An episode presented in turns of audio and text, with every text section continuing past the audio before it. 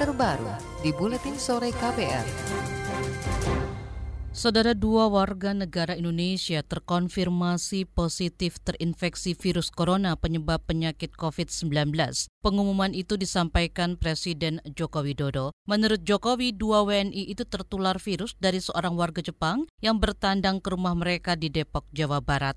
Otoritas Malaysia mendapati warga Jepang itu positif COVID-19 dan memberi kabar kepada pemerintah Indonesia. Dua WNI itu langsung dibawa ke Rumah Sakit Penyakit Infeksi Dr. Sulianti Saroso di Jakarta hari Minggu kemarin untuk diisolasi. Orang yang telah terkena uh, virus corona ini berhubungan dengan dua orang. Seorang ibu yang umurnya 64 tahun dan putrinya yang berumur 31 tahun dicek oleh tim kita pada posisi yang ternyata pada posisi yang sakit dicek.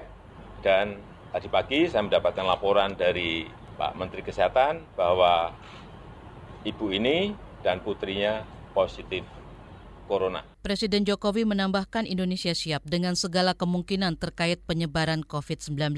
Jokowi meminta masyarakat tenang dan mengikuti standar aturan kebersihan. Pemerintah juga meminta warga untuk waspada dan tidak perlu panik. Kementerian Kesehatan menyebut dua warga Depok, Jawa Barat yang positif terkena virus corona itu tertular pada saat beraktivitas di klub dansa Paloma, Jakarta pada pertengahan Februari lalu. Menteri Kesehatan Terawan Agus Putranto mengatakan terus melakukan penelusuran atau tracking mengenai kemungkinan penyebaran virus corona oleh warga negara Jepang di Indonesia. Karena dia guru dansa, ya dia berdansa dengan itu teman dekatnya itu tanggal 14 tuh kalau tidak salah, 14 Februari. Tanggal 16 dia merasa batuk-batuk, nggak enak lah batuk-batuk sehingga rawat jalan ke rumah sakit. Kan kalau tidak salah tanggal 26, tanggal 26 dia minta untuk dirawat aja lah, wong batuknya kok ndak hilang-hilang, ngekel aja. Apa dan ses agak demam dikit. Dirawat tanggal 28, ditelepon sama teman dansahnya itu. Dia di Malaysia dirawat. Menteri Kesehatan Terawan Agus Putranto menduga warga Jepang itu meminum obat penurun panas sehingga lolos ketika diperiksa di bandar udara. Dua warga Depok, Jawa Barat itu kini ditangani dengan meningkatkan sistem kekebalan tubuh dengan vitamin dan makanan sehat. Kementerian Kesehatan juga meminta anggota keluarga dan beberapa orang yang melakukan kontak dengan dua warga itu untuk memeriksakan kesehatan mereka di Rumah Sakit Penyakit Infeksi Sulianti Saroso. Sementara itu, Saudara Pemerintah Provinsi DKI Jakarta membentuk tim tanggap COVID-19 sebagai langkah tanggap darurat ditemukannya dua pasien positif corona di Indonesia. Gubernur DKI Jakarta Anies Baswedan mengatakan Tim itu bekerja untuk memantau penyebaran virus corona di Jakarta. Sejauh ini, tim dari Dinas Kesehatan sudah melakukan yang disebut dengan penyelidikan epidemiologi, di mana setiap orang-orang yang dipantau dibentuk susunan pattern interaksinya. Siapa berkegiatan di mana, berinteraksi dengan siapa, kapan, dan lain-lain. Dan pattern Gubernur DKI Jakarta Anies Baswedan merinci per hari ini sudah ada 136 orang dalam pemantauan terkait virus corona. Selain itu ada 39 pasien sedang dalam masa pengawasan. Kepala Dinas Kesehatan DKI Jakarta Widya Stuti menjelaskan, orang yang masuk dalam pengawasan artinya tengah dirawat di rumah sakit rujukan. Dia juga memastikan proses pengawasan berjalan sesuai standar dari tim Kementerian Kesehatan. Komisi Kesehatan DPR menilai pemerintah gagal mencegah masuknya virus corona baru penyebab COVID-19. Anggota Komisi Kesehatan DPR Darul Siska mengatakan pemerintah tidak teliti mengawasi warga asing yang masuk ke Indonesia. Ini pelajaran yang pahit buat Indonesia. Selama ini kan kita merasa ah, aman kok Indonesia nggak ada virus. Nah ini peringatan buat semua petugas kita yang di semua bandara, di pelabuhan. Bagi semua orang yang masuk ke Indonesia terutama yang dari luar negeri harus diperiksa satu persatu secara teliti. Anggota Komisi Kesehatan DPR Darul Siska mendesak pemerintah untuk memeriksa sampel dua warga Indonesia yang positif corona itu dengan serius. Politisi Partai Golkar itu juga meminta sampel diperiksa secara menyeluruh dan tidak secara acak. DPR juga meminta pemerintah memperketat pengawasan petugas di pintu masuk bandara terutama terhadap kedatangan warga asing dan warga Indonesia yang baru pulang dari luar negeri. Pengamat kebijakan publik Agus Pambagio mendesak pemerintah mengeluarkan data resmi terkait pencegahan dan penanggulangan virus COVID-19 yang ditemukan di Indonesia. Agus meminta pemerintah terbuka kepada publik mengenai data penanganan termasuk fasilitas perawatan yang telah disiapkan. Nah, terus kemudian bagaimana strategi penanganannya? apakah sudah mengikuti prosedur yang WHO punya misalnya? Itu bagaimana? Kalau ada terjadi ke mana? Kemudian uh, alatnya punya berapa dan sebagainya kan itu jadi pertanyaan. Buat turis itu penting. Buat negara pengambil kebijakan juga penting. Ini serius apa enggak Indonesia beresnya? Pengamat kebijakan publik Agus Pambagio menilai sejauh ini sikap pemerintah masih belum serius menghadapi penyebaran COVID-19 yang telah menyebar ke seluruh dunia itu kita ke mancanegara, saudara pemerintah Prancis menutup museum terkenal mereka Louvre pada saat di tengah meningkatnya kasus infeksi virus corona di sejumlah negara di Eropa. Penutupan museum yang paling banyak dikunjungi di dunia itu dilakukan setelah staf yang bekerja di Museum Louvre ketakutan terhadap virus corona. Sejauh ini Prancis mencatat ada 130-an kasus positif virus corona dengan dua di antaranya meninggal. Akibat temuan virus corona, pemerintah Prancis mengeluarkan larangan untuk acara yang dihadiri oleh 5.000 orang atau lebih. You're listening to KBR Pride, podcast for curious mind. Enjoy!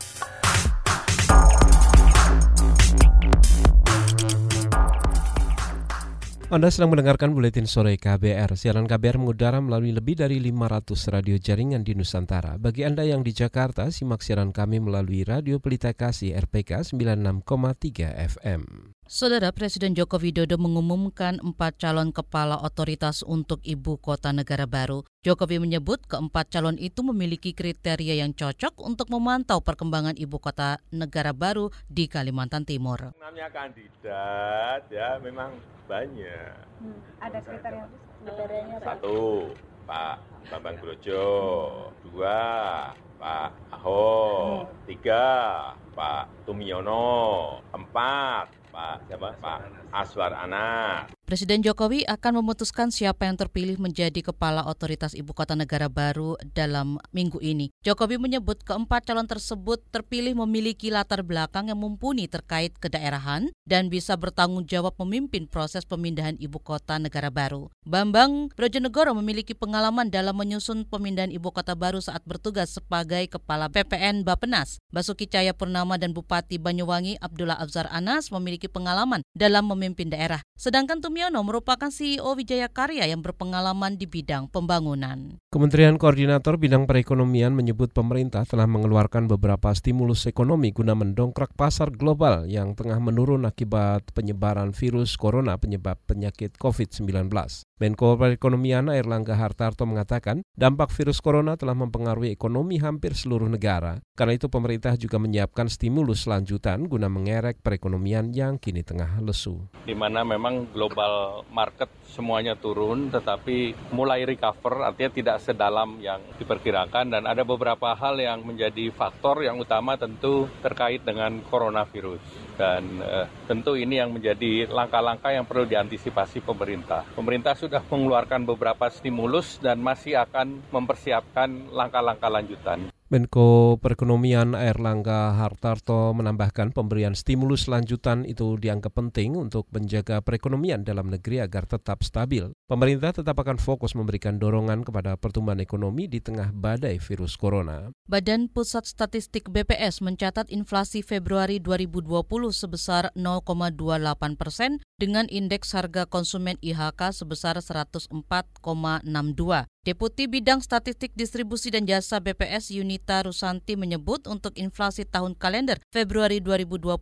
sebesar 0,66 persen, sementara inflasi tahunan Januari 2020 sebesar 2,98 persen. Sebesar 0,28.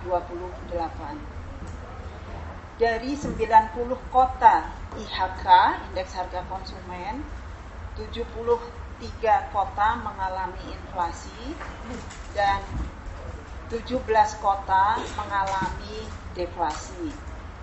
Deputi Bidang Statistik Distribusi dan Jasa BPS Yunita Rusanti menyebut sumbangan inflasi terbesar berasal dari kelompok bahan makanan di antaranya bawang putih sebesar 0,09 persen, bawang merah 0,06 persen, daging ayam ras dan jeruk masing-masing 0,02 persen. Sedangkan kelompok transportasi, informasi, komunikasi dan jasa keuangan mengalami deflasi pada Februari ini. Saudara kita beralih ke informasi lain, saudara. Hari ini Forum Rektor Penguat Karakter Bangsa bertemu dengan Wakil Presiden Ma'ruf Amin. Koordinator Forum Rektor Penguat Karakter Bangsa, Karomani, menyebut pertemuan itu untuk membahas upaya pencegahan radikalisme di kampus-kampus. Karena isu-isu yang muncul di media, acap kali bahwa di beberapa universitas di Tenggarai ada gejala radikalisme. Dan itu menjadi komitmen kita. Karena apa yang disampaikan Pak Wapres tadi, kalau kita tidak benahi kampus kita, kita terkait dengan ideologi kebangsaan kita, maka itu akan berbahaya karena lulusan universitas itu akan masuk ke setiap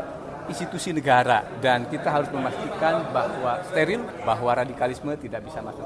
Karomani yang juga Rektor Universitas Lampung ini menyebut langkah strategis yang akan dilakukan yaitu mengadakan dialog atau seminar dengan mahasiswa di kampus-kampus terkait ideologi. Selain itu, kampus juga akan melakukan riset dengan pelibatan masyarakat untuk mengantisipasi radikalisme di kampus. Selanjutnya kita akan menyimak informasi olahraga saudara pemerintah Thailand memastikan menunda balapan MotoGP Thailand 2020 yang semula dijadwalkan berlangsung pada 20 hingga 22 Maret 2020 karena wabah virus corona. Keputusan pemerintah Thailand menunda balapan di sirkuit Buriram itu datang tidak lama setelah Federasi Sepeda Motor Internasional membatalkan MotoGP Qatar di sirkuit Losail. MotoGP Qatar semula dijadwalkan berlangsung 6 hingga 8 Maret. Keputusan itu setelah pemerintah Qatar melarang penerbangan dari Italia untuk masuk ke negara tersebut, padahal banyak pebalap dan kru tim yang berasal dari Italia. Saudara kita beralih ke informasi bursa, kita ke lantai bursa indeks harga saham gabungan IHSG Sore ini ditutup melemah dengan penurunan 91 poin atau 1,6 persen ke level 5.361. Sedangkan situasi berbeda terjadi di bursa utama Asia yang justru menguat, seperti Nikkei Jepang, Shanghai China, Hang Seng Hong Kong, dan Straits Times Singapura. Sementara nilai tukar rupiah terhadap dolar Amerika Serikat berbalik menguat di perdagangan pasar spot hari ini. Di pasar spot 1 dolar Amerika dibanderol dengan angka 14.260 rupiah per 1 dolar Amerika Serikat atau menguat 0,56 persen. You're listening to KBR Pride, podcast for curious mind. Enjoy!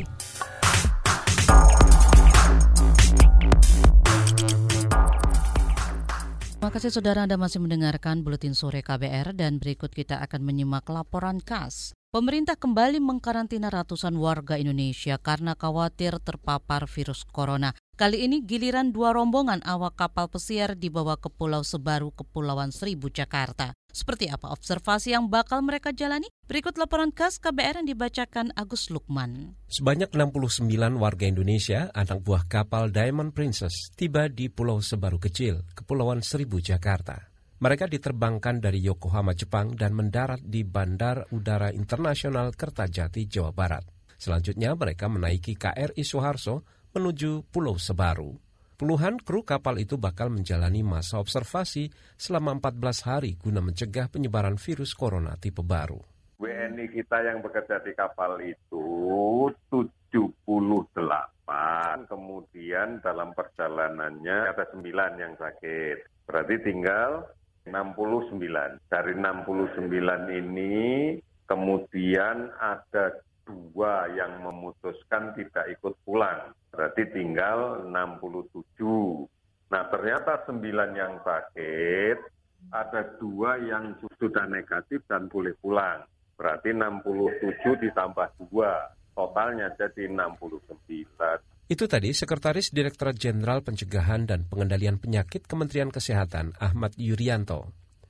Di Sebaru Kecil, mereka bakal diobservasi bersama dengan 180-an warga Indonesia yang menjadi kru kapal pesiar World Dream yang telah tiba sejak pekan lalu. Ahmad memastikan lokasi observasi dua rombongan itu bakal dipisah. Begitu turun langsung kita disinfeksi, langsung kita periksa kesehatannya setelah penyelesaian administrasi, menyangkut nama, kesesuaian paspor, dan sebagainya kita periksa. Pulau Sebaru Kecil diklaim memiliki fasilitas observasi lengkap, di pulau ini terdapat delapan bangunan, masing-masing dua lantai dengan kapasitas 180-an tempat tidur yang bisa ditambah hingga menjadi 200 tempat tidur.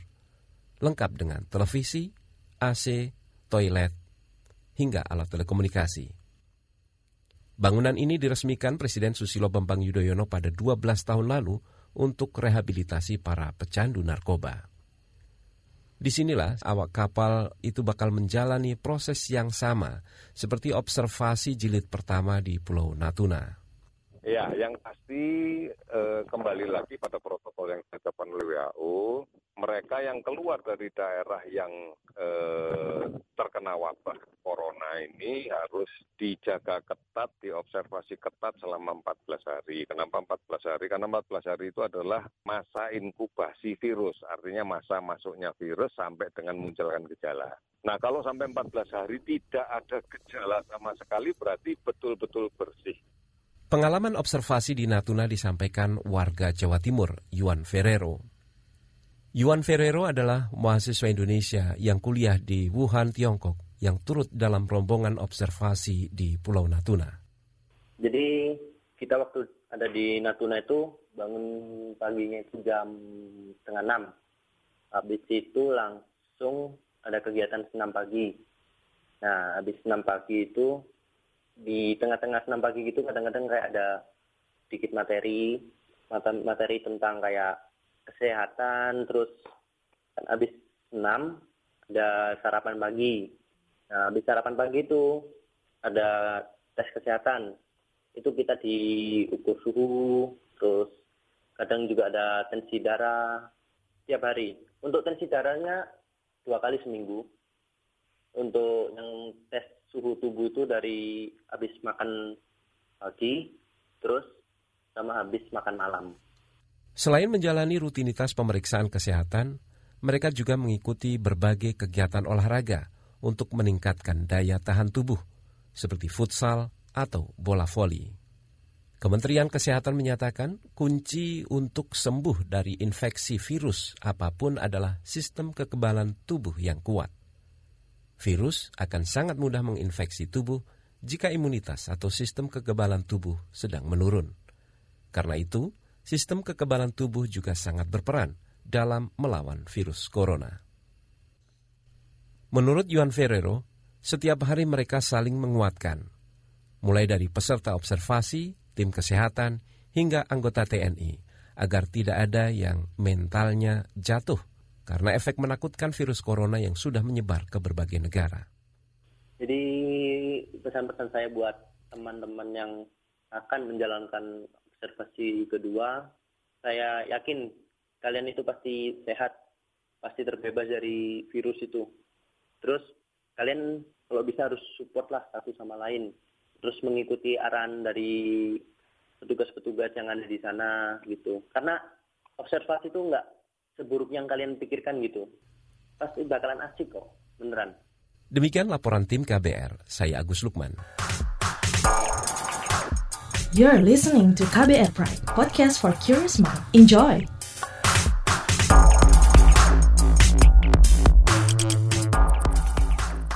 Inilah bagian akhir buletin sore KBR.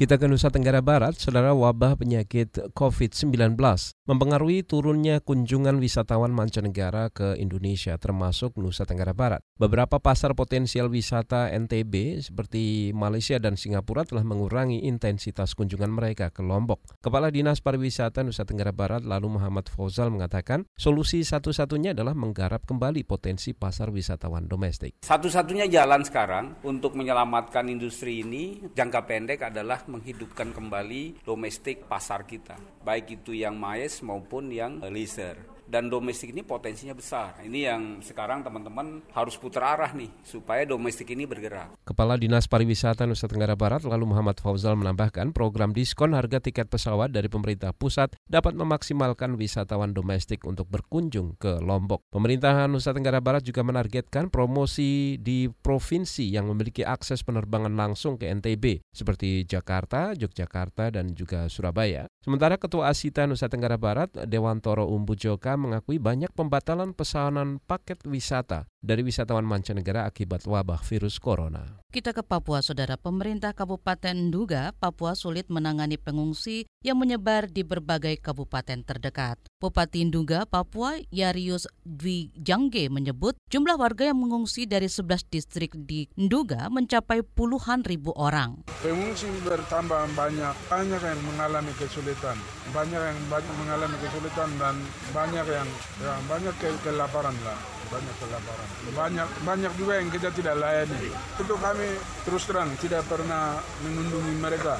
Keseriusan untuk melayani mereka itu sama sekali tidak ada. Bupati Nduga Yarius Gwi Jangge menambahkan puluhan ribu warga Nduga itu mengungsi sejak akhir 2018 lalu. Pasalnya, warga khawatir menjadi korban akibat konflik bersenjata antara aparat keamanan dengan kelompok separatis bersenjata yang terjadi sejak setahun terakhir. Kita ke Aceh, Saudara Polisi Syariat Kota Banda Aceh menghukum cambuk delapan orang yang didakwa melanggar hukum syariat Islam. Dari delapan terdakwa, seorang terdakwa adalah pelaku atau terduga pelaku pelecehan seksual terhadap perempuan. Kepala Satuan Polisi Pamong Praja yang juga Kepala Polisi Syariat Banda Aceh Muhammad Hidayat mengatakan semua terpidana yang dicambuk terbukti melanggar hukum syariat Islam tentang hukum jinayat. Karena memang di dalam kanun jinayat itu juga salah satu pelanggaran yang harus diproses. Ada berapa ya? Kalau nggak salah saya ada 14 pelanggaran yang masuk di dalam kanun 6 nomor 2014 tentang hukum jinayat. Dan pelecehan seksual ini mungkin salah satunya. Karena memang selama ini kita dapatkan itu hanya pasangan-pasangan juga